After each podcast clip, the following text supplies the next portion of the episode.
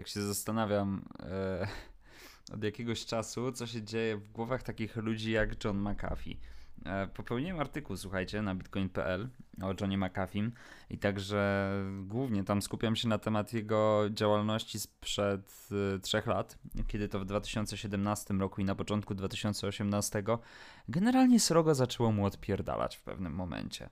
I zaczęło się tam, wiecie, dość powiedzmy niby niegroźnie od tego, że stwierdził, że y, jeżeli Bitcoin nie osiągnie ceny tam jednego miliona dolarów do końca 2020 roku, to zje własnego członka w telewizji, y, w telewizji krajowej.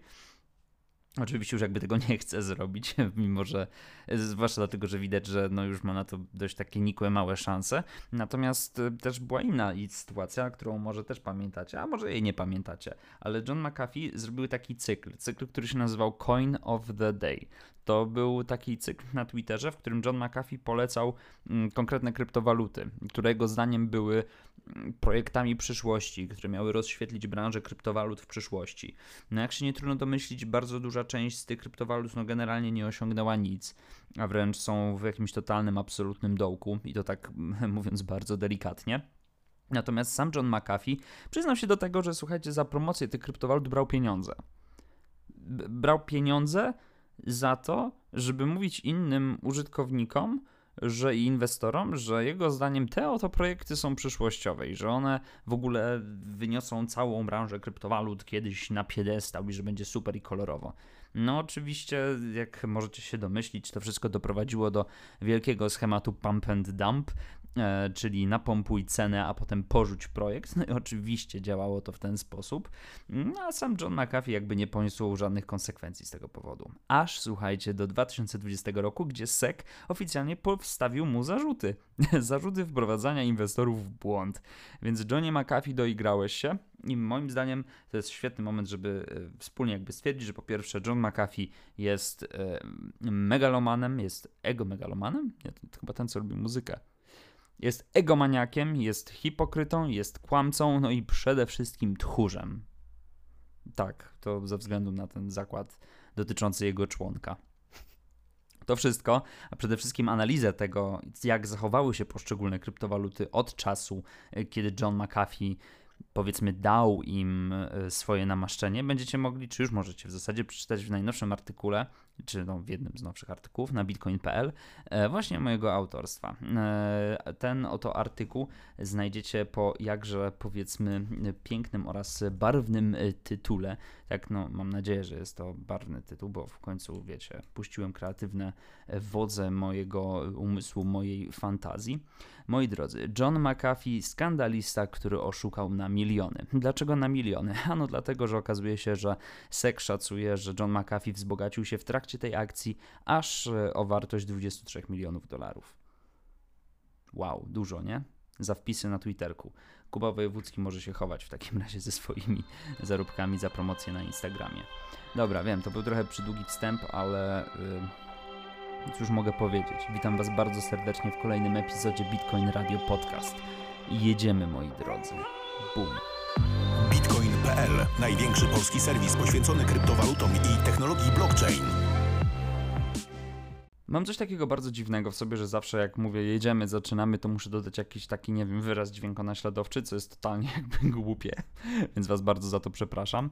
Ale y, dobrze, przejdźmy do merytorycznych rzeczy, do merytorycznych. Zacznijmy może od rynku na przykład. Rynek mówi nam jednoznacznie, że mamy bardzo byczy weekend, że kapitalizacja rynkowa rośnie o 4 miliardy dolarów i jest to, moi drodzy, informacja pocieszająca. Dlaczego pocieszająca? No dlatego, że jeżeli za oknem mamy taką pogodę, jaką mamy, ale widzimy, że mniej więcej od dwóch dni kapitalizacja na rynku w ogóle kryptowalut rośnie, no to to jest sygnał jaki? Oczywiście bardzo dobry. Oczywiście bardzo dobry. Dominacja Bitcoina zaczyna spadać. To jest też myślę rzecz warta gdzieś tam zauważenia. Nie, nie jakoś wiecie, tam mega gigantycznie, ale y, stopniowo, stopniowo gdzieś tam ostatnio zaczyna tracić. E, z tych 65%, które jeszcze jakiś czas temu mieliśmy, e, no teraz te wartości już tak są zdecydowanie poniżej, poniżej 60%, więc jest to taka informacja, która gdzieś tam powiedzmy na ten rynek może w jakimś stopniu wpływać. Jak zachowywał się z kolei sam Bitcoin. No, Bitcoin oczywiście jest, wiecie, driverem tego, co się dzieje na rynku, więc ten wzrost kapitalizacji oczywiście o 4 miliardy jest spowodowany tym, że Bitcoin ma się dobrze. Moi drodzy, w ciągu tygodnia cena podniosła nam się no o pół procent co nie jest jakimś tam super spektakularnym wynikiem, powiedzmy może. Natomiast y, istotne jest to, że mieliśmy jedną taką sytuację, która dość dobitnie pokazuje, co, y, że, że cena Bitcoina jakby ostatnio jest troszeczkę bardziej stabilna. E, w cudzysłowie stabilna oczywiście. Mieliśmy sytuację, w której Bitcoin przy cenie 11 380 dolarów nagle y, skraszował się gdzieś do poziomu 11 260, aby potem odbić się w ciągu jednego dnia do poziomu 11 680, potem troszeczkę zrobić sobie korekty, ale utrzymywać się cały czas na poziomie poniżej 11 300, co do zasady oczywiście. No i wydaje mi się, że jak sobie tak patrzymy, słuchajcie, na wykres siedmiodniowy, widzimy, że cena jest powyżej tych 11 tysięcy. Spojrzymy na miesięczny i najniższym punktem jest 10300. No to kurczę, Bitcoin ostatnio radzi sobie naprawdę, naprawdę nieźle.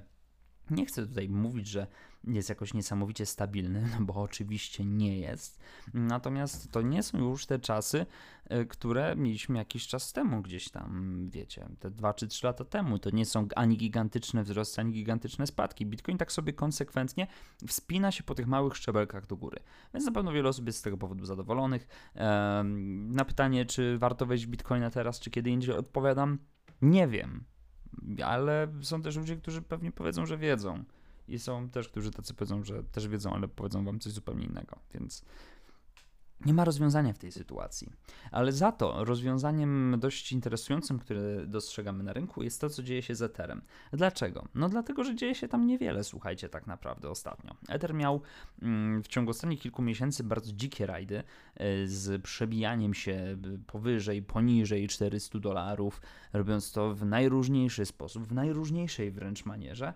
A teraz się okazuje, że kolega się uspokoił trochę. Znaczy, nie jakoś super mega dużo mocą, bo tam też wzrosty oczywiście i upadki się trafiają, ale jeżeli spojrzymy sobie na to w takim rozkładzie tygodniowym, no to cena pomiędzy 360-370 dolarów to jest to, na czym Bitcoin, na czym Ether stoi. I teraz y, cena jego wynosi 376 dolarów, co moi drodzy, właśnie jak już mówiłem w ujęciu tygodniowym, jest wahnięciem o w zasadzie 0,2%. Więc wynik moim zdaniem bardzo dojrzały, drogi, drogi Etherze. Bardzo dojrzały, bardzo odpowiedzialny. Kto w ciągu ostatniego tygodnia mm, zarobił najwięcej? No, z pierwszej setki jest to ABBC Coin, który dostał 76%. Aż nie mam pojęcia, czy to jest jakaś anomalia. Nie wiem, nie, nie orientuję się. Wiecie, te sezon na alty to jest już taki temat. Taki, wiecie, tam temat, który gdzieś, gdzieś, gdzieś przeszedł, przechodzi w tym momencie obok mnie. Więc skupimy się na czymś innym. Skupimy się na czymś innym. Może spojrzymy sobie na to, jak radzą sobie pozostałe, nie, nie pozostałe kryptowaluty, ale jak radzą sobie inne wydarzenia, powiedzmy, z tego tygodnia. No, takim jednym, który na pewno rzuca się w oczy, jest e, hard fork Monero. W celu ulepszenia podstawowego protokołu twórcy Monero, kryptowaluty skoncentrowanej na prywatności, ogłosili aktualizację sieci Oxygen Orion. Aktualizacja zaimplementuje nowe oprogramowanie, protokół podpisu pierścieniowego o nazwie uwaga, bo to będzie nazwa dość e, no, nie taka prosta, CL SAG, aby transakcje były lżejsze i szybsze. O co to chodzi tak naprawdę w tym wszystkim? Ten CL SAG to jest e, funkcja kompaktowa, łączona spontanicznie anonimowa. Ma zmniejszyć średnią wielkość transakcji o około 25%, a także poprawić typową wydajność weryfikacji o 10%. Podczas gdy nowa aktualizacja Monero jest postrzegana jako hard fork, blockchain Monero nie rozdzieli się i nie powstanie żadna nowa moneta. Jednak w wyniku tego hard forka wszyscy uczestnicy, sieci Monero będą musieli zaktualizować swoje oprogramowanie. Moi drodzy, jeżeli jesteście użytkownikami sieci Monero, będziecie musieli się w takim razie na to wydarzenie przygotować. Tyle wam powiem. No, w każdym razie, yy, okej, okay, usprawnianie sieci i wszystkie tego typu działania wydaje mi się są rozwiązaniami, które, yy, na które warto po pierwsze patrzeć, a po drugie one wnoszą bardzo dużo też do rozwoju samych protokołów i do technologii blockchaina, zwłaszcza w kontekście oczywiście samych y, zdecentralizowanych walut. No więc Monero tutaj miło patrzeć, że się rozwija. Co prawda ja tej idei stuprocentowej tam prywatności, no ja jej do końca nie kupuję, no bo wiecie, y, duża doza prywatności też niestety często wiąże się z dużą dozą przekrętów. Pamiętacie, w zeszłym tygodniu mówiłem Wam o tym, że e, generalnie minął już ponad rok od afery Bitmarketu i o Bitmarkecie bardzo często mówi się, że jest to taki polski Mount Gox. No i o Mount Gox y, mam też taki mały update.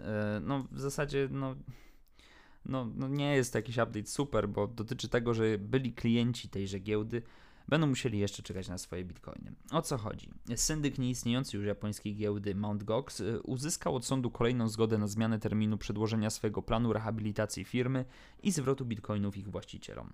Zgodnie z wnioskiem powiernika rehabilitacyjnego y, Nobuya, Nobuakiego Kobayashiego, Sąd Okręgowy w Tokiu wydał y, kolejną zgodę na przedłużenie tego terminu i e, ten plan rehabilitacyjny, który teraz już zdaje się miał jakoś być opublikowany, zostaje przedłużony do 15 grudnia. No i widzicie, to jest e, taka sprawa, że Mt. Gox jest giełdą, która już powiedzmy dotykała nas, dotykała afer wszystkich, które są związane ze stratą pieniędzy. Jest to przykład wręcz taki największy, największy historyczny, wręcz już powoli podręcznikowy dla wszystkich adeptów świata kryptowalutowego. I to jest sprawa, która się ciągnie, o Boże, od 2015, od 2013? Od 2013? Chyba tak, tak. Przez ten czas y, bardzo wiele się na rynku zmieniło, natomiast nie zmieniło się to, że cały czas ludzie, którzy stracili wtedy pieniądze, ich nie odzyskali. I to jest y, bardzo takie duże, myślę, nawiązanie też do tego, co się stało z, bit, z Bitmarketem, ponieważ nasza giełda też jakby zniknęła, zawinęła się, środki przepadły, powiedzmy, nie wiadomo gdzie są, nie wiadomo co się z nimi dzieje i też nie wiadomo kiedy użytkownicy je odzyskają, ba, czy odzyskają je w ogóle. Więc. Yy, Znowu taka powiedzmy wstawka z mojej strony bardziej powiedzmy ku pamięci, więc skoro ku pamięci, to pamiętajmy. Gox Rising to jest też taki istotny temat związany właśnie z Mt. Gox. Na początku 2019 roku w sprawie pojawił się wątek inicjatywy Gox Rising, jak czytamy na bitcoin.pl. Brock Pierce, jej inicjator, przyznał w wywiadzie, że jego głównym celem było przywrócenie giełdy do życia. Gox lub Mt. Gox miałby znowu zacząć działać, ale w innej formie. By historia się nie powtórzyła, nowa platforma miałaby być zdecentralizowana. Nic z tego jeszcze nie wyniknęło od tego 2019 roku. E, no i pytanie, czy jakby jakiekolwiek odbudowywanie tej legendy powiedzmy ma sens i w jaki sposób miałoby tak naprawdę zaistnieć. W sensie, ja nie wiem, czy to jest jakieś redemption arc story dla e, tej giełdy, czy, yy, czy, czy, czy to ma być, nie wiem, jakiś inny wielki symbol. No moim zdaniem rzeczy, które zostały stworzone i funkcjonowały źle, zwłaszcza jako takie biznesy, powinny mieć oczywiście pomnik trwalszy niż ze spiszu, żeby innych przestrzegać przed tego typu działalnością. Natomiast nie zmienia to faktu, że y, inicjatywy takie jak Mount Gox i wszystkie takie nawiązania do niej no, powinny zostać jak najbardziej moim osobiście skromnym zdaniem moim osobiście skromnym zdaniem zakopane. I no tyle, słuchajcie, moi, no, tyle, tyle, tyle. Tyle w temacie. Zenit St. Petersburg tworzy kolekcjonerskie karty swoich zawodników. Przepraszam, język aż mi się zaplątał, ale to dlatego, że Y, mam bardzo duże takie wspomnienie z tym związane z dzieciństwa. Nie wiem, czy kojarzycie, od Panini chyba były takie y, karciane, takie, no takie karty z piłkarzami jakby. One chyba, nie wiem, czy się cały czas ukazują. W każdym razie jakby miałem jakieś 12-15 lat, to miałem fazę na zbieranie tych kart i powiedzmy granie i wymienianie się tymi kartami. E, I też na rynku pojawiało się bardzo dużo różnego rodzaju podróbek. E, więc fajnie jest widzieć jakby taką inicjatywę kolekcjonerską. Jednakże E, co jest tutaj najistotniejsze, to to, że będzie to funkcjonowało wszystko w ramach gry opartej na blockchainie. Te gry zostaną wypuszczone z graczami, oczywiście z zawodnikami drużyny, a Zenit chce dołączyć do także 100 innych międzynarodowych klubów piłkarskich, e, które wykorzystują blockchain, które wykorzystują te tokeny NFT do tego, żeby rozwijać swoje, swój merchandising tak naprawdę oficjalny. E, myślę, że to jest e, ten jeden taki nurt, w którym faktycznie można starać się szukać zastosowania takiego praktycznego tokenów NFT, niekoniecznie w takim segmencie premium, bo bardzo często jak się mówi o non-fungible tokens, czyli mm, to są te takie tokeny, gdzie wiecie, jak mamy dwa bitcoiny powiedzmy, jak dobrze mamy dwa bitcoiny, załóżmy, że mamy dwa bitcoiny, to bitcoin się generalnie od siebie nie różni. Dwa bitcoiny między sobą się, się, się nie różnią w żaden sposób. Natomiast w przypadku tokenów NFT, tokeny te, yy, nie ma jednego, dwóch takich samych tokenów. Każdy z nich posiada swoją pewną indywidualną cechę, dzięki czemu można je przypisywać na przykład do yy, indywidualnych przedmiotów, powiedzmy, żeby je identyfikować. I bardzo często mówi się o tym, że dobrze jest przypisać takie tokeny na przykład do przedmiotów luksusowych, żeby potwierdzać ich autentyczność. Spoko, można to robić. Ale jeszcze fajniejszą rzeczą jest wykorzystywanie tego na przykład w grach, w grach karcianych, takich jak Magic the Gathering, ale jeszcze lepiej moim zdaniem w przypadku potwierdzenia autentyczności jakiegoś merchandisingu. I w tym przypadku, jeżeli weźmiemy pod uwagę chociażby takie karty, myślę, że jest to jak najbardziej rozwiązanie dobre, bo dzięki temu będziemy wiedzieli, że ta karta z tym konkretnym piłkarzem, który gra w mojej ulubionej drużynie z Petersburga, jest y, autentyczna. No i myślę, że chyba o to chodzi. I też jak będziemy mieli dużo klubów, które na podobnych zasadach będą wydawały swoje karty, to może warto też wziąć pod uwagę, że dzięki temu będziemy mieli szereg kolekcjonerskich kart, które nie należą jakby do jednego zestawu, ale mają przez odpowiedni organ, w tym przypadku klub piłkarski, poświadczoną swoją wartość, a raczej poświadczoną swoją oryginalność, dzięki czemu ich zbieranie i wymienianie będzie w ramach tych kilku różnych, co prawda, systemów, ale potwierdzonych jednym takim kluczem autentyczności, bardziej wartościowe. No, tak mi się przynajmniej wydaje, że jest to pomysł całkiem dobry i warty rozważenia. Kryptowalutowy statek Satoshi jako centrum innowacji. Jakby. Zobaczyłem zdjęcie takiego, wiecie, wielkiego, e, wielkiego wycieczkowca. Mm, o, przeczytam wam to. E, Ocean Builders, firma budująca pływające off-gridowe domy morskie, kupiła stary australijski statek wycieczkowy i zmieniła jego nazwę na Satoshi. Teraz firma planuje stworzyć na nim kryptowalutowy hub zrzeszający przedsiębiorców oraz cyfrowych nomadów z wybrzeża Panamy. Ech, jeszcze jest ogłoszenie do tego dołączone. Z niecierpliwością czekamy na stworzenie Centrum Technologii i Innowacji tutaj w Panamie. Naszym celem jest znalezienie sposobu na zrównoważone życie na morzu i wytyczenie nowych wód na tej nowej granicy. Panama mi się kojarzy tylko z tym, że Michael Scofield razem ze swoim bratem Lincolnem wskazanym na śmierć uciekali właśnie do tego kraju z więzienia. Po co? W sensie po co? Po co?